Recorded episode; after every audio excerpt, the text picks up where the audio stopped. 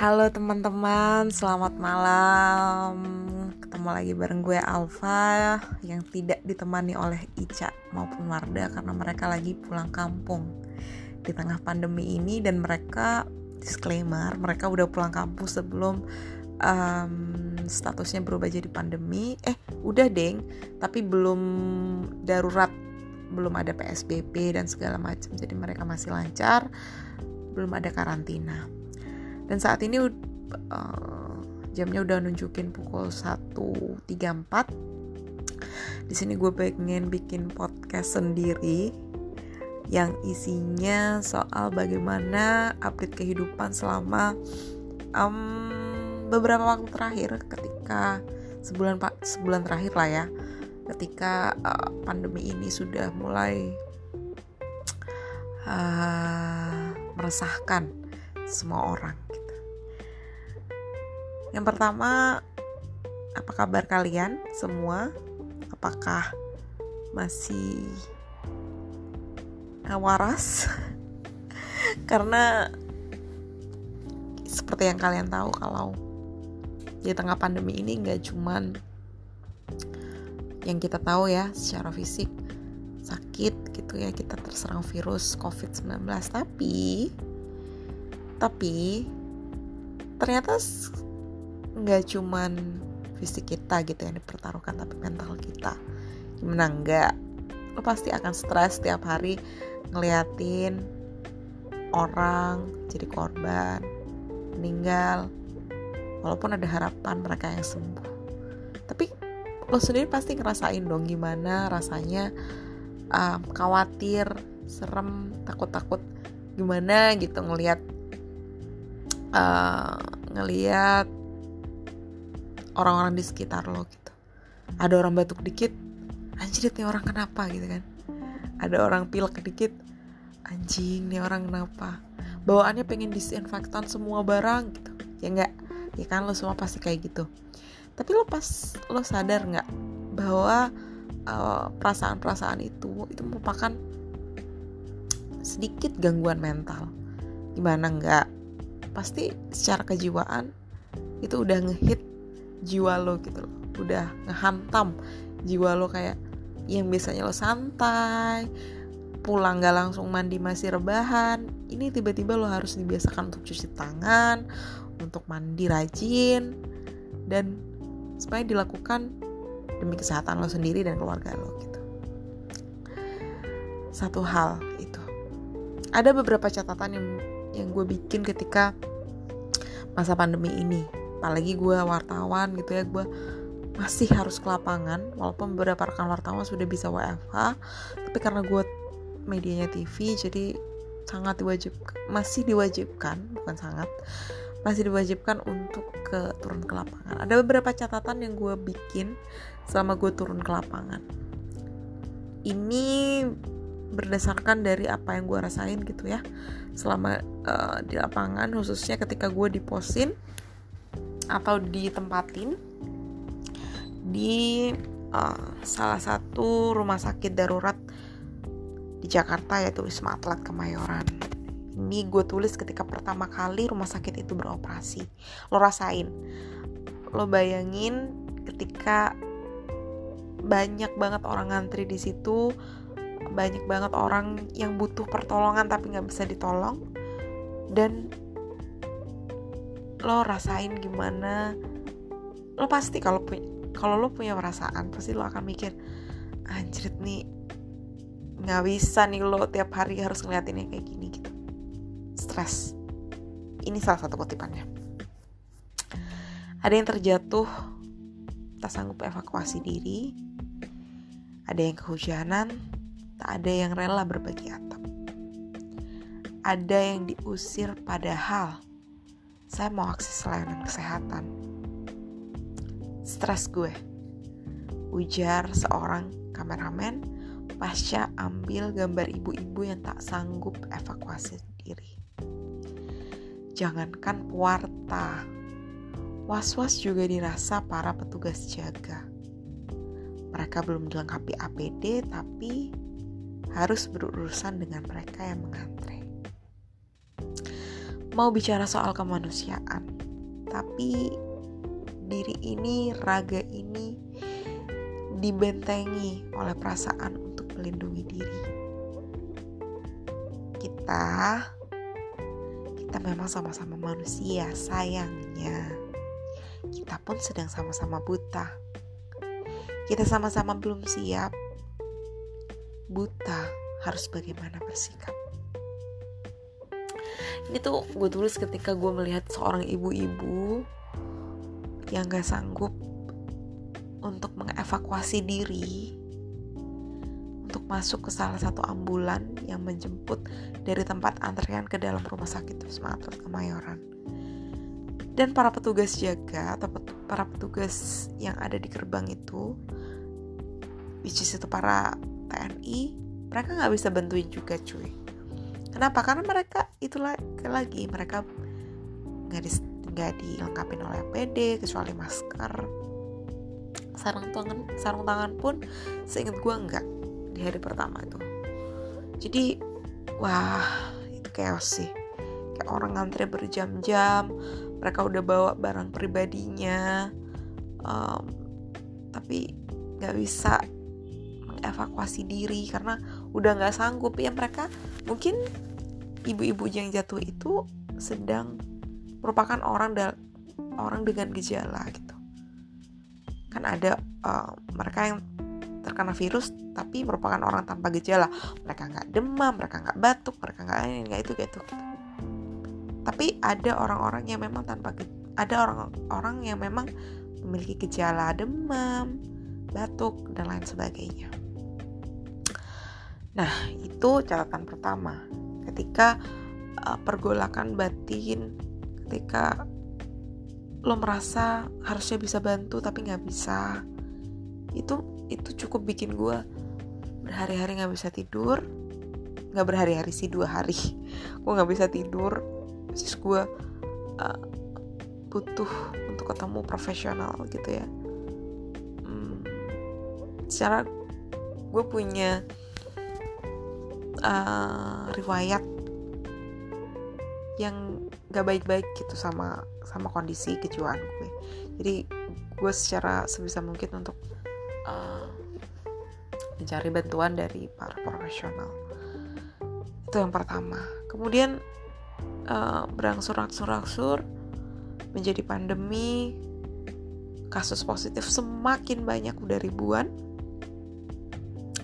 dan satu yang menarik ketika gue bertanya pada salah satu dokter di Rumah Sakit Darurat Wisma Atlet Kemayoran, di mana ia merupakan uh, dasarnya atau uh, uh, rekam jejaknya merupakan dokter uh, kejiwaan gitu. Dia bilang gini. Sebenarnya gejala awal dari para pasien yang masuk ke Wisma Atlet Kemayoran ini adalah kondisi psikologis. Entah itu mereka merasa uh, butuh merasa khawatir padahal mereka nggak punya gejala jadi mereka uh, datang aja gitu ke rumah sakit. Gue pengen periksa diri gue gue pengen dirawat gue pengen diisolasi di sini gitu. Itulah kenapa di sana akhirnya ada orang dalam pemantauan yang juga dirawat yang sebenarnya mereka tidak butuh isolasi profesional mereka hanya cukup isolasi mandiri. Akhirnya mereka datang karena itu tadi kondisi psikologis mereka sudah mengatakan gue butuh bantuan gitu.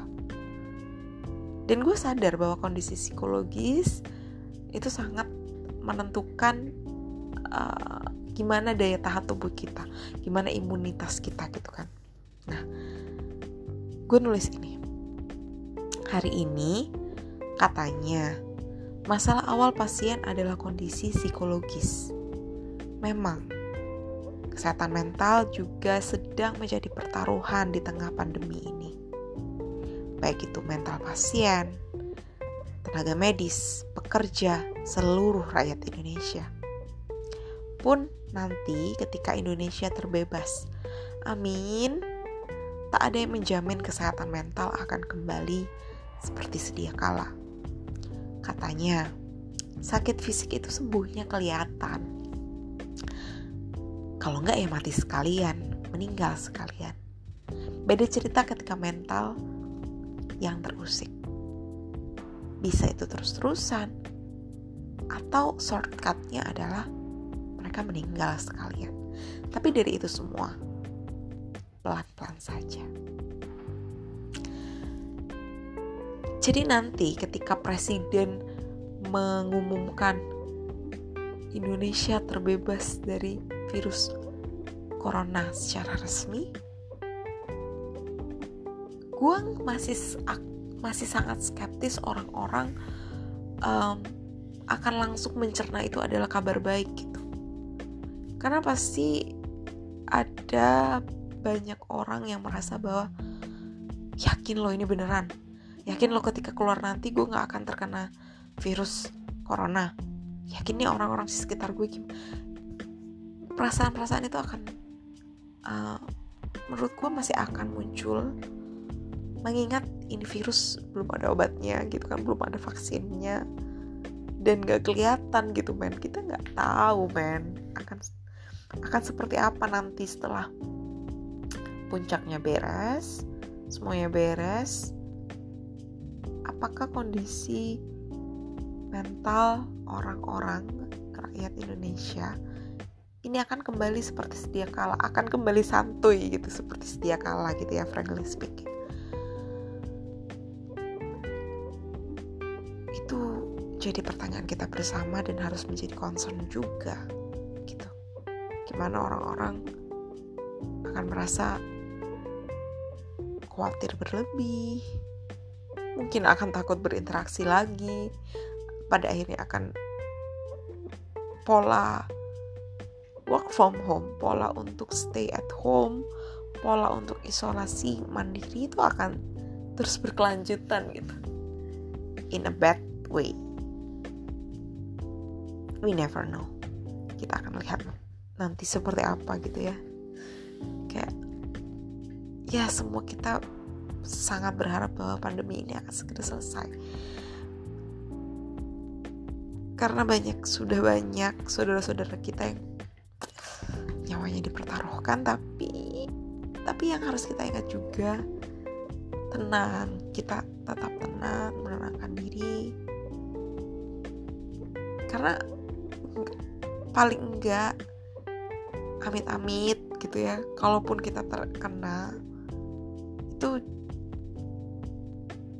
cuma ya fisik kita gitu bisa disembuhkan gitu kelihatan obatnya ada gitu. Kalau mental kalau mental sudah agak terganggu terusik akan sangat sulit untuk sembuhnya. Itu ya kalau kalau pengalaman gue sih. Itu beberapa catatan yang gue bikin. Ketika masa selama masa pandemi ini. Kayaknya cuap-cuap sendiri tuh capek ya ternyata. 13 menit gue ngomong sendiri kayak ya walaupun nggak sezong itu sih semoga kalian masih bertahan untuk mendengarkan. Tapi apa kabar kalian gitu selama pandemi ini? Apa yang apa yang kalian rasakan? Apakah kalian semakin kreatif karena gue lihat banyak banget video-video orang bikin makanan inilah itu gitu. Apakah kalian semakin mawas diri jaga kesehatan jadi nggak jorok kayak gue gitu kan? Biasanya gue yang kalau hari biasa kayak mandi sekali doang. Sekarang gue ya mau nggak mau harus mandi dua kali gitu sebelum dan sepulang kerja. Tapi ketika libur gitu ya gue tetap aja nggak mandi karena nggak ke mana-mana. Apa yang kalian rasain gitu? Apa kalian jadi LDR sama pacar? Atau kalian jadi physical distancing sama pasangan? Cause ya semua orang pasti punya kekhawatiran sendiri. Apa ketika gue ciuman? Jangan pacar gue kena virus lagi gitu kan. Yang kayak kayak gitu gimana ya cara kalian mengatasi karena sangat kalau melihat kenyataan sangat sakit gitu melihat jumlah pasien positif, pasien meninggal itu semakin bertambah kian hari gitu. Belum lagi masalah-masalah sosial orang-orang yang an, uh, masih kurang pengetahuan tentang virus ini mereka akhirnya mengucilkan tetangganya yang sedang membutuhkan walaupun banyak sekali ternyata orang-orang baik yang masih saling tolong menolong yang ternyata kemanusiaannya akhirnya teruji gitu. Mereka tetap membantu menyediakan makanan bagi para warga yang mungkin sedang melakukan isolasi mandiri. Yang kayak gitu tuh masih banyak gitu. Walaupun kabar buruknya juga banyak. Yang pasti selama pandemi ini stay sane, please stay healthy, please. Dan jangan ragu untuk mencari bantuan profesional apa pun yang kalian rasain. Entah itu gejala atau entah kalian pernah merasa kontak sama PDP atau pasien positif, langsung aja kalian datang ke mana pun ke entah itu ke rumah sakit atau kalian pilih untuk isolasi mandiri. Kalau rumah sakit gue saranin wisma atlet sih karena dia lumayan gede dan menampung banyak gitu ya. Jadi nggak usah khawatir kalian akan kecuali kalian punya gejala-gejala yang berat itu mereka kalian pasti akan dipulangin. Atau dirujuk gak dipulangin pasti dirujuk. Itu kalau fisik ya kalau mental kalian harus cari bantuan baik itu psikolog maupun psikiater tergantung kebutuhan. Untuk mendapatkan pertolongan secara profesional terkait dengan permasalahan mental kalian. Ini kok jadi kayak motivasi gitu ya? Kayak motivasi. Sih gue bingung gak ada temen ngobrol jadi sendirian. Gitu jadi ya itu apa yang gue rasain selama Eh, pandemi ini satu bulan terakhir pergerakannya sangat cepat. Gue bahkan masih ingat ketika pertama kali pasien positif diumumin oleh presiden itu bahkan gue baru selesai liputan bahkan belum selesai liputan soal banjir di di kampung Melayu gue ditelepon kantor untuk langsung ke Sulianti Saroso kalau ternyata presiden sudah mengumumkan ada dua kasus pertama. Itu tanggal 6 Maret dan ini baru tanggal 19 eh no 20 April artinya baru sebulan lebih kasusnya udah ribuan. Ya semoga semua kita, kita semua masih bisa percaya sama pemerintah yang ya kita patut apresi apresiasi kinerjanya. Dan jangan hanya berharap pemerintah gitu. Kita juga harus berperan. Stay healthy physical distancing dan protap-protap lainnya.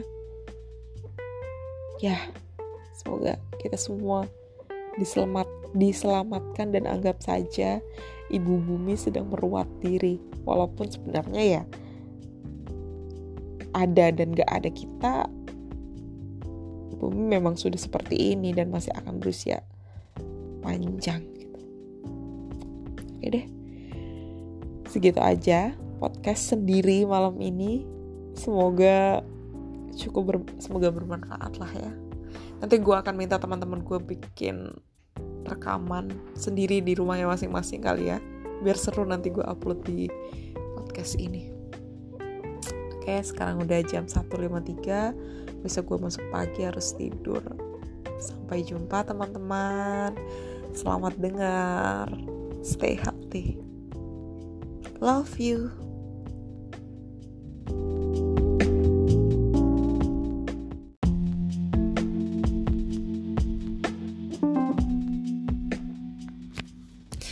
Selamat dini hari teman-teman sekarang jam 2.49 gue masih bikin podcast sendiri karena ternyata Wardah sama Ica belum balik. Rencananya mereka akan balik hari Minggu kalau nggak salah ya.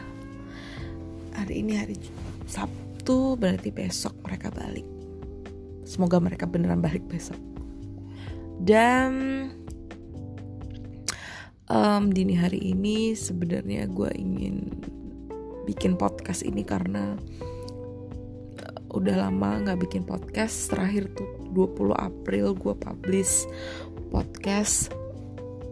Ya mungkin memang nggak ada yang nunggu tapi gue pengen aja update lagi update kehidupan. Gimana kabarnya?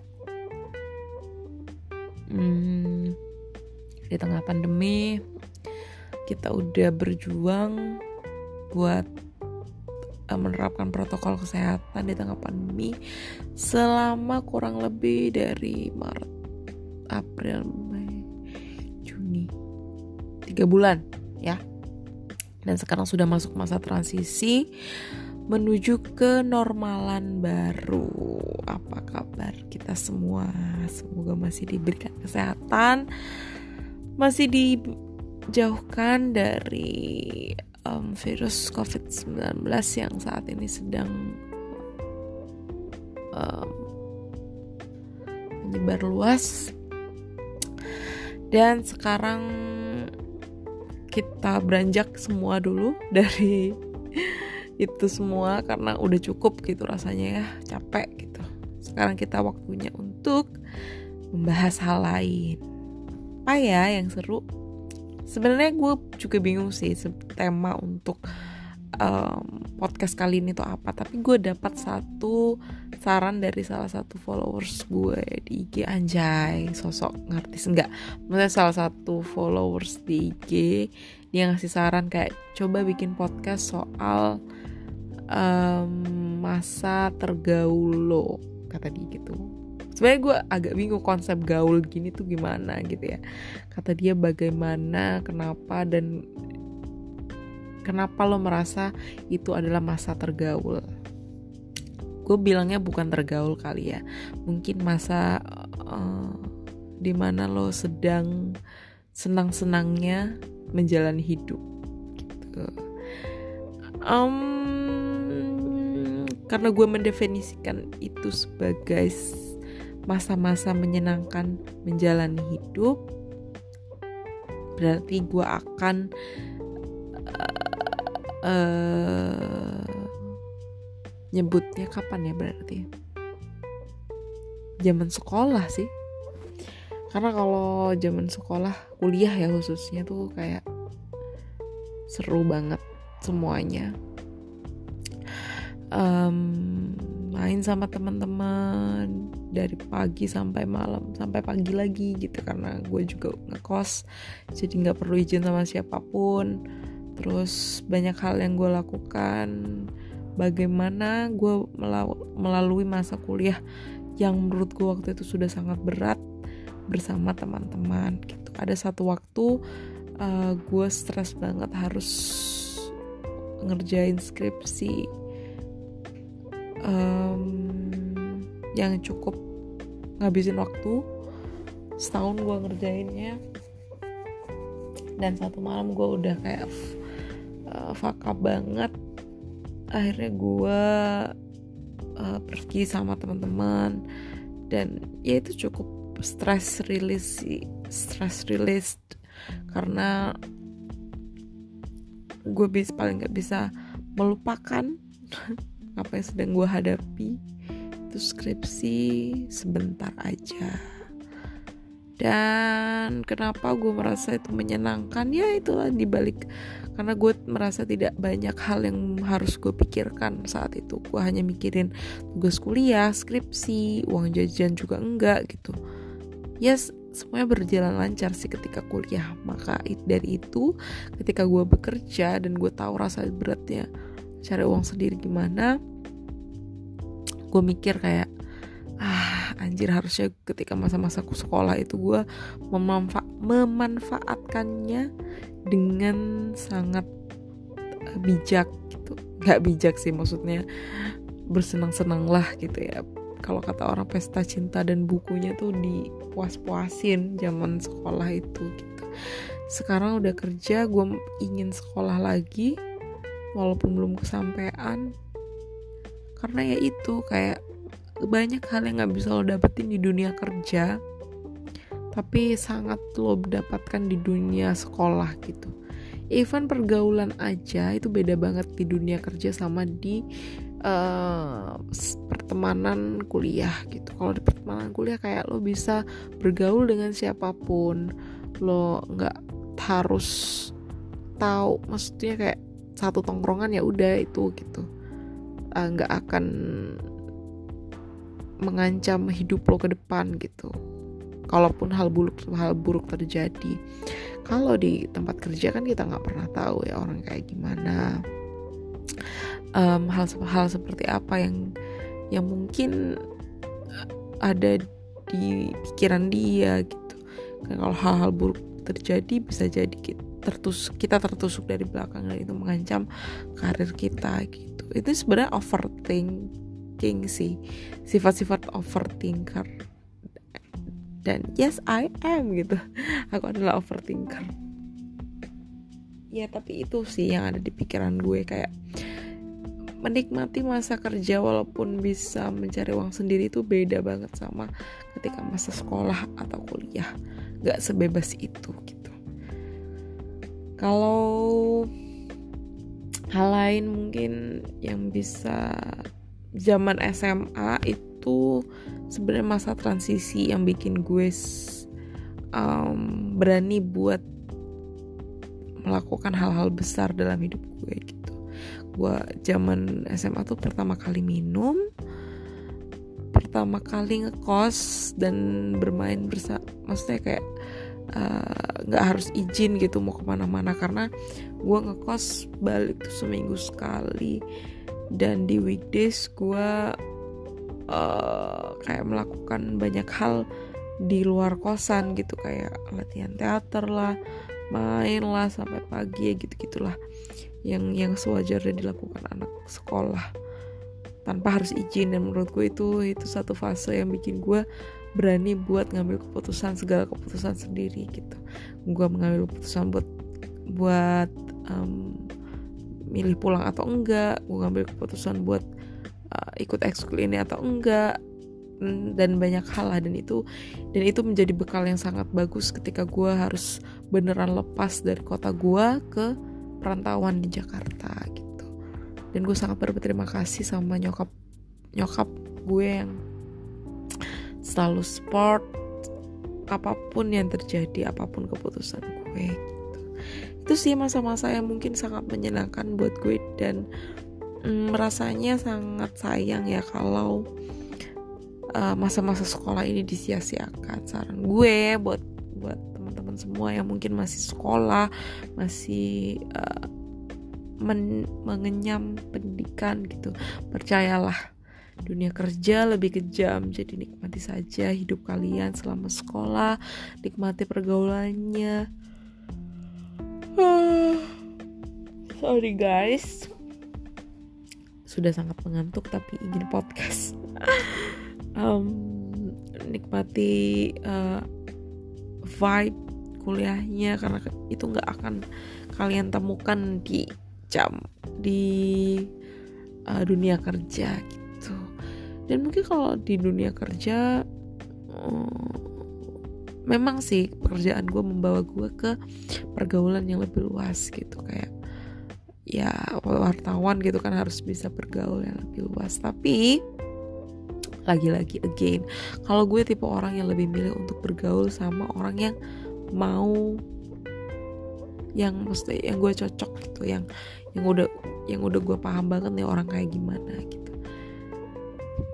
gue mau ngapain deh? Mau gue mau minum mau mau makan mau apa pun itu sama orang-orang yang yang memang gue percaya untuk melakukan hal itu gitu. jadi gue tidak merasa insecure uh, akan hal-hal tersebut gitu. Dan um, apa lagi ya? Ya kayak gitu. Dan kalau bicara soal gimana di dunia kerja uh, dunia kerja tuh berat sih kayak ya sebaik-baiknya lo memaintain kehidupan lo lo lo mas pasti ada sedikit dari uh, hati lo yang bilang kalau ya masa sekolah itu yang the best sih ya lo um, gak perlu mikirin gimana cara uh, mikirin jenjang karir dan lain sebagainya gitu lo hanya mikirin tugas dan gimana caranya lulus dengan benar bergaul punya teman yang banyak gitu. Tapi kalau lo introvert ya nggak usah dipaksa lah untuk bergaul uh, sebanyak banyaknya secukupnya saja. And then apalagi ya? Um, gue rasa itu sih paling ya kayak gue nggak pengen lama-lama juga sih karena gue nggak nyiapin materi apa pun. Mungkin besok gue akan riset dulu mau ngomongin apa. Hari ini gue hanya say hi dan mengabulkan salah satu permintaan tema yang mm, menurut gue ya gitulah gitu ya. Kayak kalau detailnya mah lo harus jadi teman gue dulu men untuk tahu ya nggak? Tapi ya apa garis besarnya kayak gitu gitu. Semoga kalian yang mendengarkan semua kalau ada yang ngedengerin bisa menikmati apa pun fase hidup kalian. Khususnya ketika kalau kalian masih sekolah nikmati aja men. Percaya sama gue kalau dunia kerja tuh nggak seenak itu. Dan menikmati masa-masa sekolah tuh adalah yang terbaik di selama gue 25 tahun hidup ya yeah. that's all guys Semoga kalian masih diberikan kesehatan again, again and again. Jaga protokol kesehatan, pakai masker, physical distancing. Walaupun bentar lagi uh, mall akan dibuka, tapi bukan berarti kita harus kita abai dengan protokol-protokol kesehatan. No big no. Tetap pertahankan untuk um, menjaga protokol kesehatan cuci tangan dan lain sebagainya. Karena balik lagi kita masuk di normal baru. Hal-hal yang tadinya tidak normal menjadi normal. Sekian Alfa pamit undur diri. Bye, sampai jumpa. Selamat dengar, teman-teman.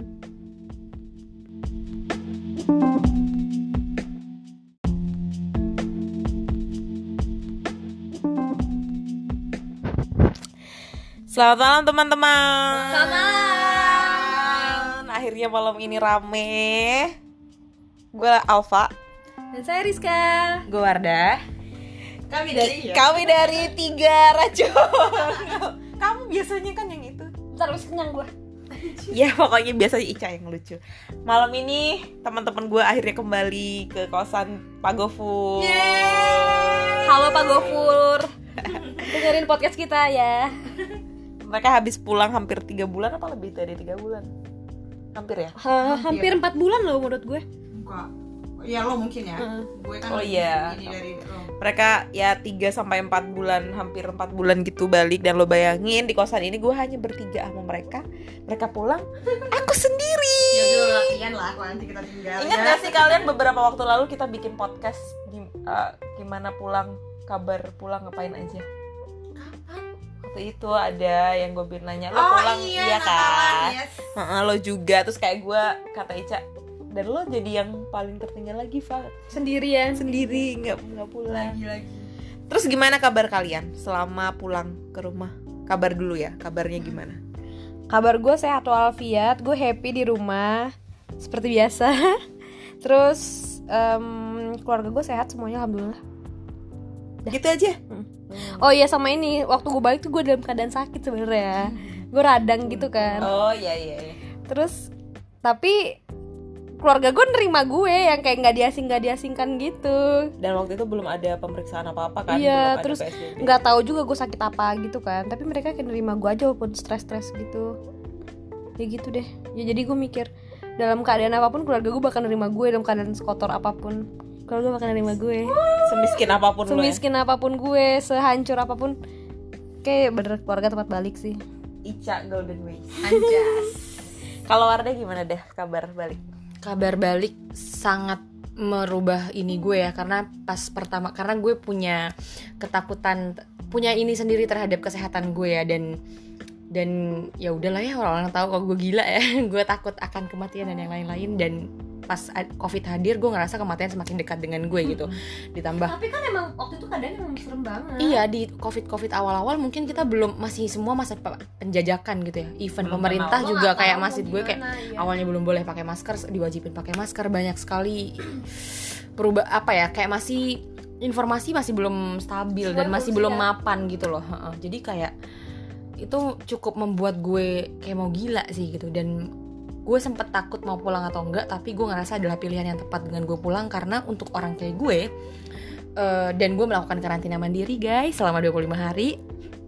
Eh, ya karena ada yang bilang sampai 28 hari gitu-gitu ya. Jadi gue ngambil ini karena orang tua gue. Hari kali dua ya. Heeh, karena orang tua gue lansia ya. Jadi kayak dan itu sangat merubah eh, ketenangan gue sih. Dengan terus habis itu gue tiba-tiba tenang ras ketakutan gue drastis Pelan-pelan berkurang bahkan drastis berkurang dengan gue ngeliat kayak gue mikir gini kalaupun gue mati paling enggak orang tua gue bisa Bener. ngeliat gue gue cuman kayak gitu gitu waktu itu.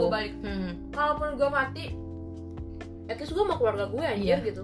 sempat ketemu dan yang lain-lain gitu dan gue maksud gue misi gue yang pertama adalah gue menyelamatkan diri gue eh, dari ketidak kekacauan dunia ini dan yang kedua adalah gue untuk memastikan bahwa orang tua gue juga mengikuti protokol yang seharusnya gitu. Karena orang tua gue agak bandel sih bokap gue ya. Thanks. Tapi satu sih yang gue simpulkan dari kepulangan kalian. Gue nangkep ada yang sama nih kalian. Apa? apa coba? Kabur. Bukan kayak makin religi anjing kalian. Kayak si Wardah bilang ya udahlah ngapain sih kesenangan duniawi? Buktinya kita Anjay, bisa anjay, gitu. anjay. terus lo cak kayak makin dekat dengan Tuhan lah segala rupa. Karena kan dipaksa. anjir. Kan tapi di rumah. tapi kan kebawa gitu kan. Maksudnya kayak ada nilai-nilai itu yang yang sedikit banyak jadi nempel di kepala lo. Tapi sebenarnya waktu gue balik tuh gue ada mikir gini kayak agak dilema juga sih gue balik nggak ya? Apa gue sakit? Apa apalagi gue ada keadaan sakit gitu kan? Apa nggak apa di keluarga gue gitu. Gue ngerasa gue cukup egois sih waktu gue balik itu kalau semua orang bilang lo egois ya ya iya gitu gitu loh. Tapi kan waktu itu ah, belum ada larangan-larangan apa-apa kan? Belum ada larangan pulang. Ada. Belum saya ingat ada gua. ada ada. Ada. ada. Belum. Ada. Ada. Oh ada ya?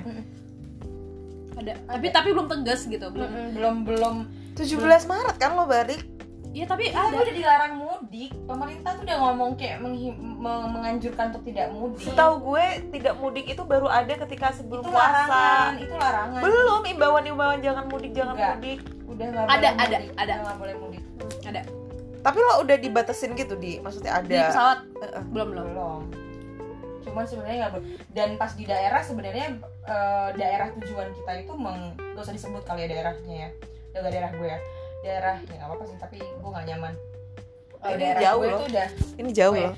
daerah gue tuh udah meng, me- mendata bahkan di data habis pertama di data mereka punya karantina masing-masing gitu. Karena kebetulan orang tua gue bisa mengkarantina gue dengan mandiri misalkan ada rumah yang terpisah sendiri gitu akhirnya gue diperbolehkan. Untuk orang-orang yang tidak punya fasilitas itu dikarantinain sama pemerintah daerah gue gitu. Tapi di pemerintah daerah gue juga gitu. Jadi kan gue balik tuh 17 Maret.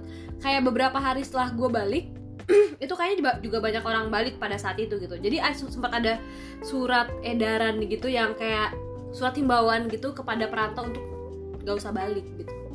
Tapi pas lo balik kayak belum ada keadaan apa apa kan? Maksudnya kalau di disuruh diisolasi gitu gitu belum kan? Ada. Diisolasi dibawa gitu kayak di daerah Ambon situ NTT eh enggak sih. Ambon ya cuman waktu gue balik tuh jadi kan gue balik gue nyampe malam gue tuh gue tuh langsung rapid kan karena gue sakit. Terus untungnya gue gak gimana gimana cuman tetap dianjurin untuk karantina mandiri. Dan tiap hari gue dipantau sama orang enggak ini maksud gue karantina yang mau dibawa ke iya itu kan ODP kan Hmm. maksudnya itu lo di itu loh yang di karantina kayak di tempat gue tuh ditaruh di stadion gede. Oh nggak yang dipaksa itu mah. Nggak nggak. Bahkan Nggak sih. dipaksa gitu. Enggak. karena dia lebih awal dari gue juga terus waktu itu pas lo di Jember. Kenapa? Pas lo udah balik itu itu gitu juga. Maksudnya yang udah dipaksa-paksa untuk karantina.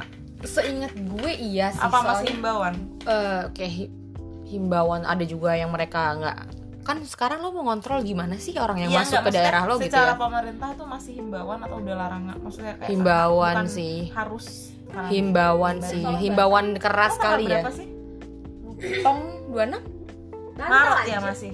Maret juga ya? 26 Maret. Beda nggak beda jauh sih. Beda seminggu doang tapi gua. kan walaupun seminggu juga tuh keadaan cepet banget berubah pada Iya, saat itu gitu. cepet soalnya gue salah fokus sama rambut lo anjing anjing anjing anjing. Tapi emang iya sih maksudnya kayak waktu bulan Maret tuh cepet banget ya. Cepet banget sih pergerakannya gitu. terus kalian ngapain aja di rumah? Selama di rumah.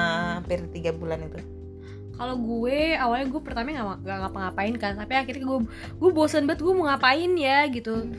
Terus setelah itu kan lama gak sih masuk bulan puasa dari situ? Apa sebulan juga?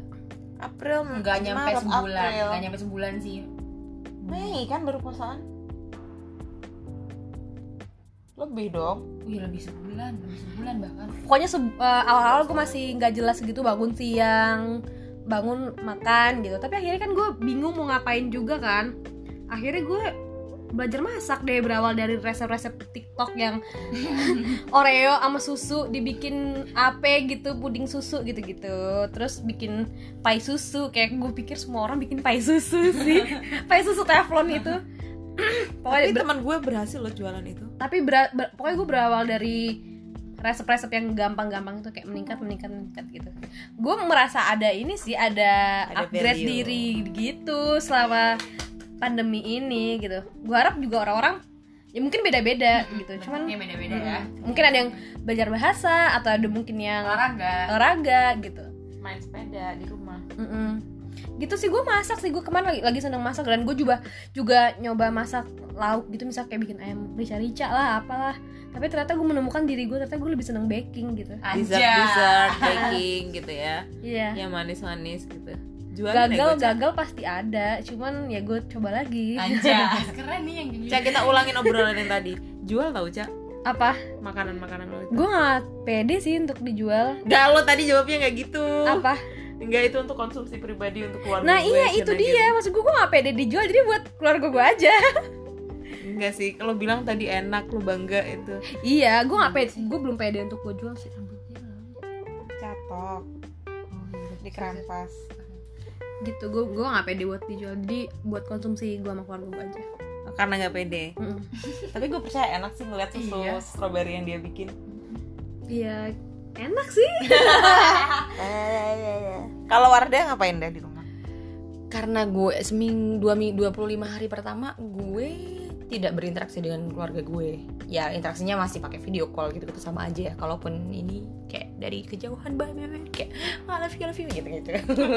Yang lo makan dari kejauhan. Mm-mm, gue dikirimin makan bahkan kayak saking gue takutnya ya kayak gue akan mencemari orang gitu. Iya, ketakutan gue pertama kali banget untuk pulang tuh kan gue membawa ke Nah, orang, iya, tapi gue gue nyetir sendiri gitu. Habis dari pesawat gue nyetir sendiri. Gue mau minimalisir kontak dengan siapa pun. Dan gue takut nggak gue nggak mau jadi ya lo bilang gue nggak mau jadi egois. Gue gue mungkin cukup tahan untuk dengan virus itu mungkin. Kalau dari dari kata-kata kan katanya anak muda lebih ini ya. Tapi gue takut banget jadi dua minggu dua eh 25 hari pertama gue nggak ada kontak sama keluarga gue nggak intens. Ya gue aku juga. ya ya habis itu gue sempet sakit. Ya gue sempet sakit guys. Gara-gara aduh udah puasaan itu pas gue sakit terus habis kayak gitu ya karena gue WFH ya kerjaan gue karena gue divisi program development. Jadi ya dengan mau ada pandemi dan gak ada pandemi mungkin dengan adanya kayak gini nih WFH makin mengeksplor kemungkinan program-program baru. Jadi kayak gue lebih bekerja banget sih gitu. Jadi lebih exploring up uh, di program-program yang sedang lo develop itu tadi ya? Dan banyak tapi selama 25 hari lo nggak berinteraksi sama orang tua lo, lo stres pasti kan? Lo enggak ngapain di situ? enggak gue gak stres. Karena gue ngerasa gue di tempat yang aman. Blackpink katanya gitu. salah satunya gitu. Karena gue ngerasa gue di tempat aman dan dan kalaupun ngapain gue kamu 25 hari itu? Kerja. Kerja. Oh itu Kerja. udah kerja? Kerja. Oh, kerja. Kalau Eh, lagi nggak kerja sabtu minggu gitu Sabtu Minggu gue juga kadang gue kerja sih kenapa sih lo insist nonton Blackpink Iya nonton Blackpink di di, Salah di setengah se- di sela-sela. Gue juga nggak mungkin nonton Blackpink 24 jam. Cuman waktu yang paling banyak gue habiskan adalah untuk bekerja dan untuk oh gue tahu. Jadi gue ngerasa itu loh yang gue sampai cukup eh, vokal di daerah gue karena gue ngerasa tempat di tempat gue tuh sangat resisten. Adanya pandemi ini membuka tabir menurut gue bahwa kesenjangan seluar biasa itu gitu ya. Membuka tabir bahwa memang kita seilliterate itu. Di tempat gue eh gue ngerasa mungkin ini tidak terjadi di tempat gue aja mungkin di perdesaan atau di daerah-daerah ya memang masih seresisten itu gitu gue ngerasa ya gue nggak tahu resisten yang gimana nih kalau di dia nggak tempat lo? percaya bahwa kalau misalkan ini virus berbahaya dia merasa beranggapan bahwa masih oh ini upaya up- up- eh, upaya memecah belah salah satu agama dengan lo tidak boleh ke tempat agama tertentu gitu. Dan terus kemudian ini upaya eh, suatu negara A untuk menghancurkan negara kita. Ini Elit upaya global, elit global. ya yang kayak gitu gitulah yang kayak gitu gitu dan tapi masalahnya mereka juga gue nggak tahu denger dari mana ya gitu. Dan Yang mereka kan itu gara-gara undang jiring akses mereka ke sumber informasi cuma televisi. Dan Bener, itu bener. pun tele- Televisi mereka bukan yang pe- mereka belum menjadi pembaca tapi masih menjadi pendengar dan penutur ya. Terima aja gitu ya nggak sih? Ya nerima kan nerima hanya dari telinga mendengar belum mereka belum membaca. Dan ini nggak cross check juga informasi yang diterima Ya. gitu loh. Belum ke sana lah pasti ya baca juga belum kan ya gitu. Kayak ya mereka masih menjadi masih masyarakat mendengarkan gitu. Banyak tuh di tanah abang juga oh iya. Terus terus? Nah gue nggak bisa ngomong tanah abang karena gue nggak dari tanah abang. Nah, oke, Nah di terus. tempat gue tuh kayak gitu. Jadi kayak gue gue mencoba dengan kesotoyan gue sebagai ex sosiologi ya. Ex mahasiswa sosiologi yang gue ngerasa juga gue nggak sosiologi amat basis gue adalah di tempat gue adalah agama tertentu yang ada organisasi kemasyarakatannya. Anjing eh maaf. Ada ada organisasi keagamaan ya karena mereka basisnya salah satu agama agama dan mereka gue bilang dia paham agama juga enggak cuman kalau penyuluhan edukasinya dari institusi kesehatan kurang efektif menurut gue dan itu sudah dilakukan dan mereka tetap resisten makanya gue mikir kayak hmm mungkin perlu dari ke institusi keagamaan nih yang yang melakukan edukasi gitu. Gue melakukan advokasi eh, ke institusi tapi keagamaan di 25 hari itu ya di 25 hari. Kan awal-awal gue nyampe situ. Kan gue masih stres-stresnya. Iya tapi lo ngobrol ketemu orang? Oh, oh ini dong online dong. Oh. Terus habis itu kayak gue advokasi melalui mengirim email me, mem- men-DM Instagram yang kayak gitu-gitu si ini yang jangan sebut kiai kali institusi salah Oh, satu organisasi astagfirullahaladzim. keagamaan. Tadi udah tadi disebutin ya. Iya gue nggak nyebut salah satu iya makanya dari tadi nggak disebutin. Gue yang nyebutin kan makanya. Salah satu bisa nggak sih diedit? warga negara apa ya, warga negara salah satu organisasi keagamaan ini gue DM lain ternyata eh, fokus mereka adalah ke ini sih ternyata oh kami sudah melakukan penyemprotan disinfektan. Oke thank you. Terus habis itu terus maksud gue. eh, iya. Oke, mungkin itu juga perlu ya, gue bilang itu. Menurut saya, gue bilang itu karena itu masih sholat berjamaah, semua terjadi biasa aja, nggak nggak ada protokol kesehatan, nggak ada apa-apa, dan bahkan mereka melawan itu gitu loh, yang gue rasa. Dan menurut gue ini cukup berbahaya gitu. Kayak gue mikirnya tuh kayak gini. kan sekarang. Mm-mm, dan sekarang terlihat banget kan. Berarti kekhawatiran gue terbukti ya gitu. Dan gue mikir kayak gini. Gue nggak terlalu khawatir sih kalau yang mati ini orang muda-muda sotoy ini gue bilang kayak gitu. Yang gue takut adalah orang-orang tua. Kalau bahasanya ini tuh penyangga kebudayaan apa ya lo yang megang nilai-nilai ini kayak maksud gue tiba-tiba nih orang tuanya hilang lo mau hidup gimana? Lo belum tahu cara segala hal gitu loh. Lo bahkan belum mempelajari nilai-nilai dari orang-orang tua ini yang apa sih tiang budaya lah nggak tahu gue bahasanya apa yang kayak gitu-gitu. Kayak mereka hilang gitu kayak maksud gue itu sih yang gue concern dan eh gue mungkin ini buat gue adalah keluarga gue gitu. Jadi sedikit banyak gue takut kena ke keluarga gue juga. Tapi mereka fokusnya kayak gitu dan gue cukup mengecewakan itu sih. Dan gue bilang oke gue bilang gitu. Dia bilang gini lah masyarakat di sini kan memang sangat ini bra apa ya nggak bisa disamain gitu. Saya nggak nyamain gue bilang. Dia bilang kayak gini "Eh, ya emang kondisi masyarakat kita kan kayak gini di sini. Dia bilang kayak gitu. Mbak nggak usah nuntut banyak apa apa oke gue bilang gitu. Saya sama ya selain kita memang tidak bisa menuntut banyak kepada masyarakat kita gue bilang gitu. Saya juga nggak bisa nuntut banyak kepada institusi apa organisasi kemasy- agama-agamaan di level daerah. Karena ternyata sesenjang itu antara Jakarta dengan daerah. Gue gituin aja. Maksud gue gue mau ngomong lu soal itu pengen gue gituin udah terus dimatiin handphonenya. Ya udah bye Nggak. Bye. se se itu Tapi bener kan terbukti sekarang di Jawa Timur angkanya tinggi banget parah ya Lebih udah kekhawatiran gue terjadi ya gitu ya udah Bandel gue udah mau, gitu. gue udah mengupayakan seini gue tapi sempat ada edukasi gitu Iya dan, dan lagi Jawa Timur tuh kayak menampung orang mudik paling banyak itu loh setahu gue ya kayak orang orang ke Jakarta ke Jakarta lah ke mana ke mana dan balik ke Jawa. Kan sempat zona hitam gak sih? Zona hitam. Iya, red zone. merah tua sih merah tua disebutnya zona hitam. Terus gubernurnya begitu lagi maksudnya kayak nggak tegas-tegas gimana gitu. Terus gimana gimana? gimana? Terus kalian apa? Setelah pulang gimana? Pulang nih ke Jakarta Gimana? nih.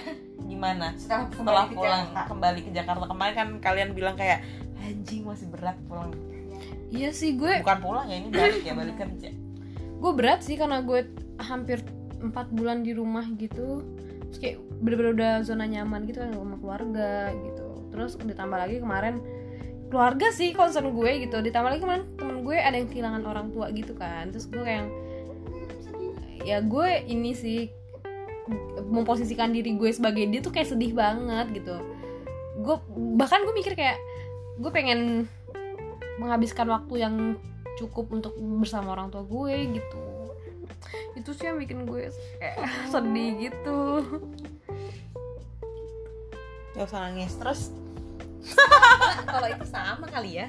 Karena udah terbiasa karena selama mulai gue mungkin kerja udah nggak pernah libur yang sampai sebulan dua bulan gitu kalaupun libur Natal dan Idul Fitri kan seminggu seminggu gitu pulangnya ya Tapi sebenarnya itu kan kayak kita libur semester kuliahan aja. iya semenjak kerja gue Heeh. bilang pas udah kerja akhirnya gue udah nggak pernah merasakan libur panjang bersama keluarga sekali gue libur panjang hampir sekitar dua bulanan lebih gitu udah intens kan setelah gue karantina gue intens sama keluarga gue dan gue terbiasa untuk tidak memikirkan apa yang akan gue makan apa yang gue harus apa ya kayak bener-bener gue tinggal, Bangun tinggal tidur bangun, aja makan tinggal iya makan gitu. kayak gitu-gitu terus kayak orang tua juga gue juga udah kebiasa sama gue ya dan bener bener bener kebiasaan Heeh. ada kita gitu Iya, Ada dan- dia. dan gue mungkin juga dari keluarga yang sangat apa ya ini apa konsep kekeluargaan di tempat gue tuh yang yang guyup yang gue nggak tahu ya gu- mungkin di keluarga lain tapi gue ngerasanya konsep ngerantau buat anak tuh nggak ada gitu sebenarnya gue jadi anak yang ngerantau sendirian bahkan lo udah nikah juga tetap masih sama keluarga gitu kekeluar apa konsep kekeluargaan di Sempat Madura tuh kayak gitu gitu kan kalau di Jawa Iya, yang kayak gitu-gitu. Apalagi gue orang Madura yang kayak gitu kan. Terus bu- buat mereka dengan gue ngerantau aja kuliah jauh udah, udah Hal. iya udah udah aneh banget gitu. Terus habis itu gue harus pulang. Ya udah sedih sih harus berpisah sekian lama. Tapi gue punya mimpi sih gitu. Bener. Which is mimpi dan mimpi itu dari dari mereka. Maksud gue kayak kalau gue kalau lo bener-bener nggak peduli mimpi gue sih gue ini pas gue gue melanjutkan kehidupan gue karena lo gitu berarti ini fase melanjutkan hidup ya kalian balik ke melanjutkan menggapai mimpi kembali. Iya melanjutkan menggapai mimpi. Menggapai Siapa sih yang kemarin bilang Alfa ya? Ya emang harus ada yang dikorbanin. Perasaan mengorbankan perasaan kita. dan nyokap gue mendukung kayak maksudnya kayak gue di keluarga besar gue tuh yang kayak lo ngapain sih? gitu loh yang kayak kayak gitu. Kalaupun lo mau ber, ber mau eh, berkontribusi kan lo bisa di sekolah di rumah maksudnya kayak ada ada pendidikan ada sekolah di rumah ada ya kayak gitu gitulah lo bisa di sana lo bisa berkarya di di rumah gitu. Cuman kata nyokap gue ya berarti dia nggak berkembang kalau sama aja kayak gue gitu dan gue mendukung dia ke sana kok gitu dan lo udah pada eh, fase bukan fase udah pada jalur yang tepat jadi lanjutkan aja gitu. jadi ya udah itu menjadi kekuatan gue sih Cie. Kalau nyokap gue lebih ke dia minta-minta gue balik sih. Apa? Minta-minta gue balik. Kayak bu- bukan minta-minta gue balik sih, cuma kayak gimana? Apa sih kayak? balik lagi ke rumah Heeh. Nggak secara langsung sih. O- i- waktu gue mau berangkat aja juga yang kayak yakin mau berangkat. Yang kayak gitu.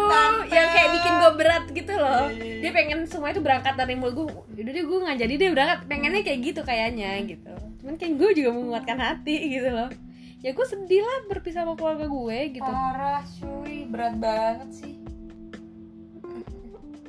Apalagi nyokap gue anaknya gue doang gitu kayak dan berat sih sebenarnya cuman ya udah kita harus ngomong-ngomong berat lu gimana lu sendiri gimana? Iya lo gimana? Lo Anjir.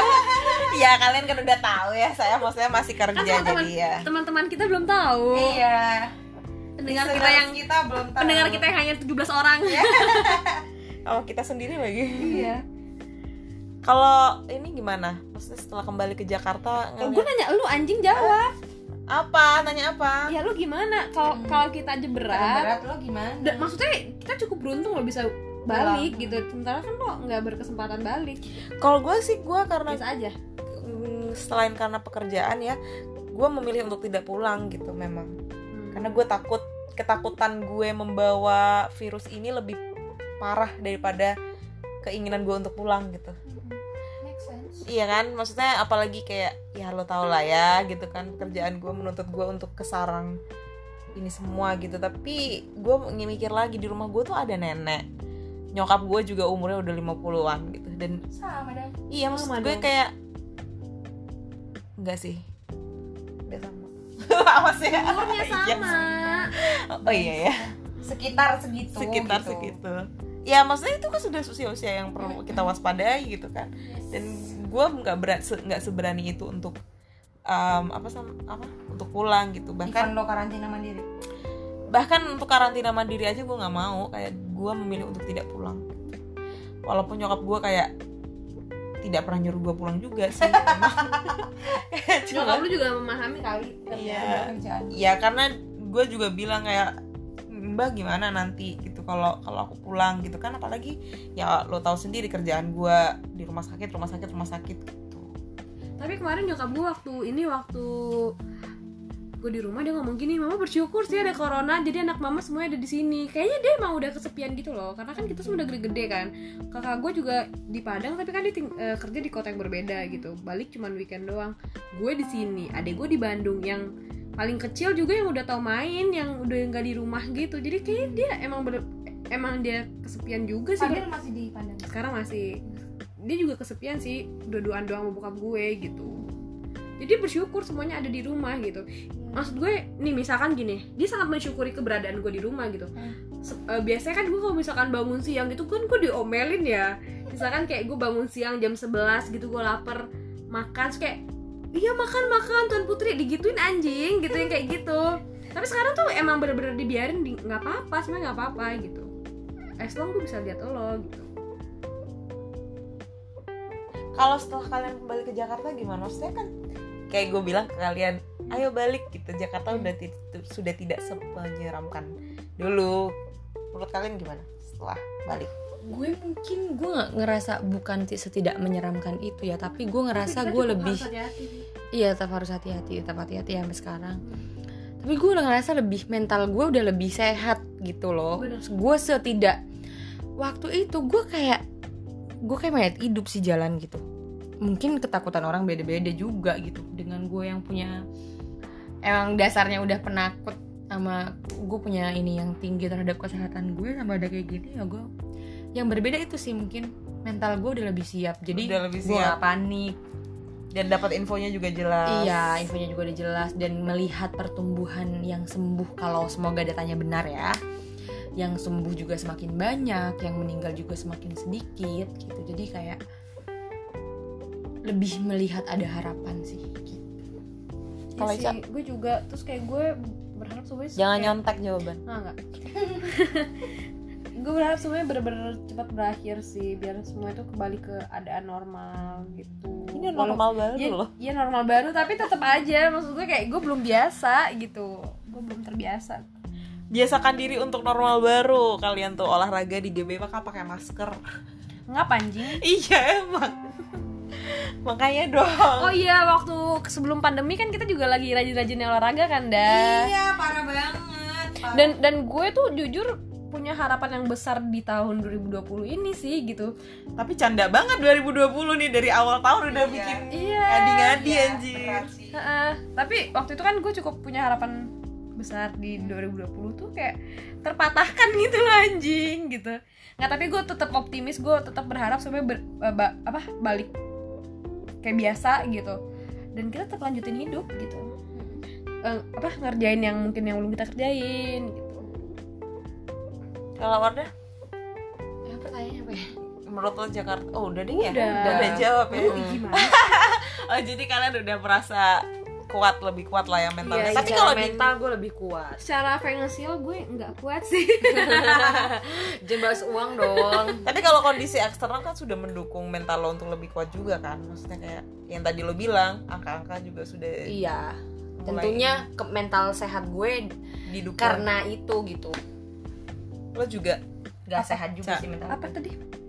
Gimana tuh iya Kalau intinya lebih- kondisi eksternal tuh mempengaruhi ini loh ya kayak iyalah gue jadi lebih pede untuk pergi-pergi nggak takut-takut. Udah beli helm belum? Walaupun gue belum belum belum pergi-pergi bilang amat makanya sih. aku pakai masih pakai taksi. Kamu? Seenggaknya kita punya cukup apa persiapan untuk pergi keluar rumah gitu kan. Dan sekarang juga kayak alat-alat alat kesehatan apa Iya. sih ngomongnya? Udah kayak bisa perlengkapan diakses. Ya Dan dan, gampang dan sebanyak itu sanitizer lo sudah. bisa dibeli di kan mana kalau aja. kalau Waktu awal-awal itu- waktu itu kan bener-bener ketakutan doang disebar aja. Iya. kayak masker gak ada, Nggak hand ada, sanitizer nggak ada. Kalau sekarang kan semua semua ada, serba ada gitu. angka kematian terus meningkat gimana coba lo? Ya udah. Tapi tapi lucunya ya negara kita nih sampai ada candaan gitu. Pas masih awal-awal angkanya dikit orang panik buy- buying semua segala macam. Sekarang sekarang yang angkanya tinggi-tinggi orang malah mau ke mana-mana aja. Iya gak sih? Hmm, kayak ke tapi mall semuanya ke mall ke GBK semuanya ke GBK gitu. Ya gak sih? Gak tahu sih gue baru dua hari. tapi kalau gue bilang angka ya ya gue juga nggak tahu sih fenomena itu ya. Tapi eh, waktu itu apa sekarang mungkin orang jadi tenang adalah karena itu pertumbuhan orang yang sembuh menurut gue lebih besar. Dan Terus lebih ada juga harapan. segala- segala ada. dan banyak gitu maksud gue kayak yang iya lo butuh apa per- perlengkapan untuk Iya, maksud gue, udah lebih Uh, Oke itu itu maksudnya uh, sebenarnya menurut gue itu bukan panik buying mungkin ya waktu itu. Ya emang udah disimpan aja. Kita mau nggak panik gue nggak yakin kita ada yang bener-bener beli nimbun deh. mungkin beberapa. Tapi sebenarnya itu belum bukan belum menjadi fenomena akhirnya dilakukan oleh semua orang ya. Tapi kenapa Tapi kita menjadi panik adalah karena nggak ada ditimbun Iya, gitu loh bener, menurut gue itu. Akhirnya apa toko-toko yang sekarang ini banyak banget dijual dengan murah ya itu pelakunya menurut gue. Sebenarnya Poin nggak ada gue- nggak ada kegiatan panik buying menurut gue. Poin-poin itu kayak panik buyingnya adalah ketika orang semua beli masker banyakin apa masker masker masker masker gitu kan pakai masker semua gitu. Sekarang malah kayak orang lebih abai sekarang sih daripada Hmm, ketika awal-awal gitu. Padahal angka waktu itu kan maksudnya yang, yang kita tahu ya yang, Mm-mm. yang dipublish ke kita Iya. gitu kan dikit gitu. Maksudnya masih masih tidak sebanyak gitu harusnya ketika angka lebih banyak harusnya lo lebih aware gitu. Kayak lo maskerannya ini bahkan harusnya nih menurut gue di rumah aja tuh sekarang-sekarang ini tau. Kayak orang harusnya lebih untuk semakin menekan angka yang yang masih tinggi itu gitu. Ya meminimalisir kegiatan di luar rumah. Ya enggak dong di rumah aja dari kemarin-kemarin dong. Dari sebelum angkanya men- menjadi banyak ini karena kalau kita kemarin-kemarin nggak di rumah aja mungkin bahkan Lebih lebih, banyak dari gede dari sekarang. sekarang gitu. iya tapi se- sekarang dengan angka lebih banyak kok kenapa orang jadi keluar rumah gitu Jadi Karena udah terbiasa. capek, anjir. Udah capek dan Heeh. mungkin juga udah nah itu satu kekhawatiran kekhawatiran gue ini jadi klaster baru nanti jadi gelombang baru nanti Maksud gelombang gue. satu aja juga belum beres Makanya. sih ya, ya. iya kayak gelombang satu Maksud aja gue, belum beres ada gelombang dua kalau udah ada penurunan tapi kan sekarang belum ada penurunan jadi kayaknya gue masih Bahkan bingung gua sama gelombang udah, dua udah gitu nggak ini sih gue udah nggak peduli yang positif berapa kayak gue udah ini sih nggak nggak begitu peduli gitu berapa sih? Sekarang gue nggak tahu. 44 ribu 40 ribuan ya. 40 ribuan. Itu berarti kan sekarang kita sudah sudah semakin bodoh amat gitu gak sih? Kayak ya udah gue yang penting jaga kesehatan aja gitu ya sih? Mm-mm. kayak ya karena mungkin tuntutan untuk kita tetap bertahan maksudnya gue kayak ya kalau gue di- masih diperbolehkan WFH ya gue akan WFH Sama gue sebenarnya. juga, juga, bukan gitu. kalau ini untuk gue ya mungkin orang-orang nggak tahu ada yang memilih sebenarnya dia bisa tinggal di rumah tapi memang tetap jalan-jalan ya gue nggak tahu. Kalau untuk gue kenapa gue sekarang se- terasa biasa aja juga karena lihat tren sembuh yang tinggi. Selain itu juga karena kenapa gue keluar? Ya karena gue disuruh bekerja dan Iya untuk bener. untuk sekarang gue tidak beker untuk gue Kalau ada pilihan untuk tidak WFH, gue WFH ya gue akan. WFH dan bodoh sih kalau sampai maksudnya kayak disuruh di rumah aja tapi malah bikin kita mati gitu gak sih? Kayak roda ekonomi tuh malah nggak muter ya nggak sih? Kan pasti misalkan lo di tempat kerja lo gitu lo WFH tapi itu mengancam keberlangsungan perusahaan. Alis lo bagus amat mau ke mana? kan tadi habis kerja. Tiba-tiba. tiba-tiba. Itu kan menjadi bodoh kalau itu justru mengancam kehidupan perusahaan lo yang Ya, menghidupi tapi lo kan gitu gue enjoy di rumah aja. Gue menikmati di rumah aja. gue nggak tahu ya menjawab itu ya enggak maksud gue kalau kalau sampai hal itu mengancam ya pasti menga- me- me- Ya mengancam sih, ta- iya me- benar. mempengaruhi cash flow untuk sektor perusahaan untuk sektor-sektor tertentu mungkin iya, tapi Iya. sektor kayak gue kan gue juga bukan produksi ngaruh. gue jasa yang pun gue masuk ke kantor tapi sekolah kan enggak sekolah kan juga bisa di masih sekolah jalan rumah tapi Masih. program lo program yang sekolah dari rumah Iya makanya enggak maksud gue pun gue masuk ke kantor program gue juga nggak jalan Hmm. gitu loh jadi Oh. kayak ya by project sih Ah, ya. Ah, gue bukan program bukan produksi misalkan ba- barang gitu. Yang gue dengan gue masuk ke kantor gue bisa memproduksi. Kalau gue nggak di kantor ya gue mungkin nggak bisa produksi. Gue bukan di sektor Gak ngaruh itu. juga lo mau di iya kantor mau di kantor mau di rumah sebenarnya kan. Sama gue juga. Ngapain gue kerja dua dua hari doang seminggu terus kayak jam 10 sampai jam 2 doang? Kayak kayak, Hmm. kayak gak ngaruh anjir gitu. Ya mending gue di rumah aja. Berarti harusnya lo apa harusnya memberikan kebebasan untuk WFH sih harusnya. Karena ada Ya, pekerjaan pekerjaannya. karena ada pekerjaan-pekerjaan yang harusnya mengik apa menyesuaikan dengan new normal. Iya. yang itu kan harapan yang kemarin kan maksudnya ada peker, diharapkan ada pekerjaan-pekerjaan yang bisa dilakukan dari rumah. Kecuali kecuali gue bisa ke luar kota gitu kan bisa. Mm-mm. iya kak. Oh iya kan pekerjaan pekerjaan ke, luar keluar kota. Ini gue juga Gitu keluar sih. kota nih lo ini ya harusnya mendampingi menteri ya ke luar kota. Tapi nggak ada menteri sekarang harus di dalam kota. Semua nggak boleh nggak boleh ke mana-mana. Ibu kota eh tapi btw gue ngerasa eh, nggak tahu ya orang lain. Kalau gue WFH kurang ini sih jujur kurang Hmm. efektif sih. Kurang kurang gimana ya? Buat gue Hmm. kurang efektif. Mungkin kerjaan lo nggak sesuai untuk WFH memang.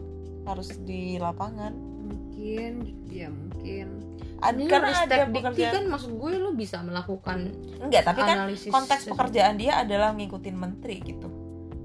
Yang Ya, ya maksud gue gue- humas kan ya tergantung kegiatan menteri dong gitu. Ya mungkin saat covid gue nggak tahu ya gue di menurut gue ya Hmm. eh, apalagi lo ristek dikti gitu ri- riset teknologi gitu. Di masa-masa ini sebenarnya lo dibutuhkan sih kehadirannya gitu Sebenarnya apalagi bukan lo humas. ya bukan Iya, gue dong. kementerian kehadiran kementerian peneliti lo. dong. Dan lo sebagai humasnya. Dan di divisi lo kan sebagai humas untuk mem- membrandingkan hasil penelitian lo gitu kan ya.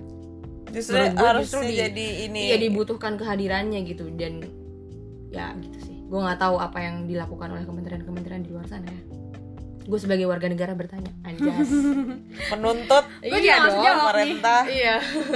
Tapi apa yang dilakukan sama pandemi oleh kementerian lo dia buka grand reset sih riset teknologi Iya, riset teknologi eh, ini. yang gue tahu. apa sih kayak hibah dana ke kampus-kampus buat penelitian gitu gitu sih. Oke. Itu cukup efektif juga sih karena akhirnya kampus-kampus kan kayak Erlangga udah mulai nah. bikin obat segala iya iya rupa. se- semua kok. Dan mungkin kalau dari sisi humasnya menurut gue bisa mereproduksi berita-berita yang yang bermanfaat gitu. Harusnya. Tapi kan menterinya nggak ngapa-ngapain. Ya, bukan ma- gue eh, enggak enggak. Menteri gue apa ngapain kalau ya gue kan hanya kroco ya. Harusnya tuh eh, yang melakukan trakom itu tuh kabak dan kasubag gue harusnya lebih gencar ya. Ya kalau gue kan apa yang disuruh gue kerjain gitu bukan dari gue. Apalagi tapi lo di kementerian yang eh, kulturnya agak ya lo nggak bisa anak Ada buah hierarki- hierarki- ya hierarki. hierarkinya ini ya. Kalau bos-bos gue kan ya bos-bos gue juga nggak yang ngerti humas gitu loh. Hmm. saat ini gitu.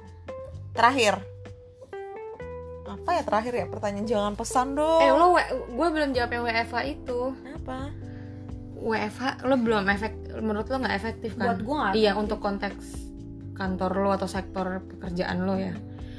Kalau gue di program ya kan di tempat gue juga ada implementasi. Justru gue ngerasa sangat jauh lebih efektif WFH makanya tadi kan juga kayaknya kerjaan lo just- justru harus WFH gitu ya nggak sih? Kan ada pekerjaan-pekerjaan Iya, tidak kecuali- cocok, tapi ada juga yang enggak Iya, tapi butuh untuk kan gue memper ngembangin program eh terus habis itu evaluasi program gitu gitu. Mungkin di evaluasinya ya untuk perbaikan program dari lapangan gue juga butuh ke lapangan. Tapi karena kondisi kayak gini, WFH maksud gue kantor apa rumah gitu loh. Bukan bukan normal yang sebelumnya dengan yang sekarang gitu. Jadi gue lebih milih rumah di dibandingkan rumah kantor. daripada kantor Hmm. iya sih apalagi dengan kondisi jalan kayak gitu Iya, anjrit nggak- macet lagi jalan. Jakarta anjir Iya. Sudirman jalan, macet lagi Sudirman terakhir deh penutup penutup gue bingung nih mau nanya apa penutup. Gimana? Gak ada pertanyaan gong. Gue masa pesan anjing. Gak ada masih jauh dari pesan-kesan ini. Kita perjalanan kita masih panjang anjir. Apa? Apa nih penutup? Terserah lo. Apa kek? Duh gua nggak tahu. Udah gitu aja ya penutup lo? Iya. Udah gitu gak tau Kalau udah udah Kalau gak ada guidance gitu. nah iya bingung kan? Iya. Iya apa? Kayak tutup kek ya Ngapa? udah Gue bingung juga pertanyaan. Hmm, ya udah semoga maksud gue eh, pemerintah dapat eh, hadir pada pada masa ini dan bisa mengambil langkah yang strategis dan tepat pada fase-fase kayak gini menurut gue gue ngerasa dari zaman dahulu kala pas mungkin mas masih kuliah gitu gitu gue ngerasa negara nggak begitu hadir dan gue nggak begitu butuh lo juga sih. Kalau mau dibilang apatis ya gue apatis zaman dahulu kala. Cuman di masa-masa kayak gini ya itu tanggung jawab lo gitu. Jadi gue berharap dan terima kasih mungkin selama ini udah berusaha ya tapi mungkin ya kurang efektif gitu. Jadi gue berharap mungkin mereka Berharap lebih. iya berharap lebih. Semoga lo kebijakan lo yang tepat gitu gitu lah gue nggak tahu lah gitu gitu kayak gue berharap A- ada harapan sih? di depan Harapan gitu. babu aja gitu ya. Iya iya iya mimpi tukang bakso kalau kata bos gue. Baca. Gua udah gua nggak tahu udah. Gak tahu udah. bye bye Suara apa Cak? Lo beli beli apa? Cincin tapi Gue ya? beli cincin, gue beli cincin, tapi itu eh, bukan emas, ya kuningan aja gitu loh. gue belum tahu nih Gue beli cincin, tapi bukan emas, kuningan aja cukup bagus sih.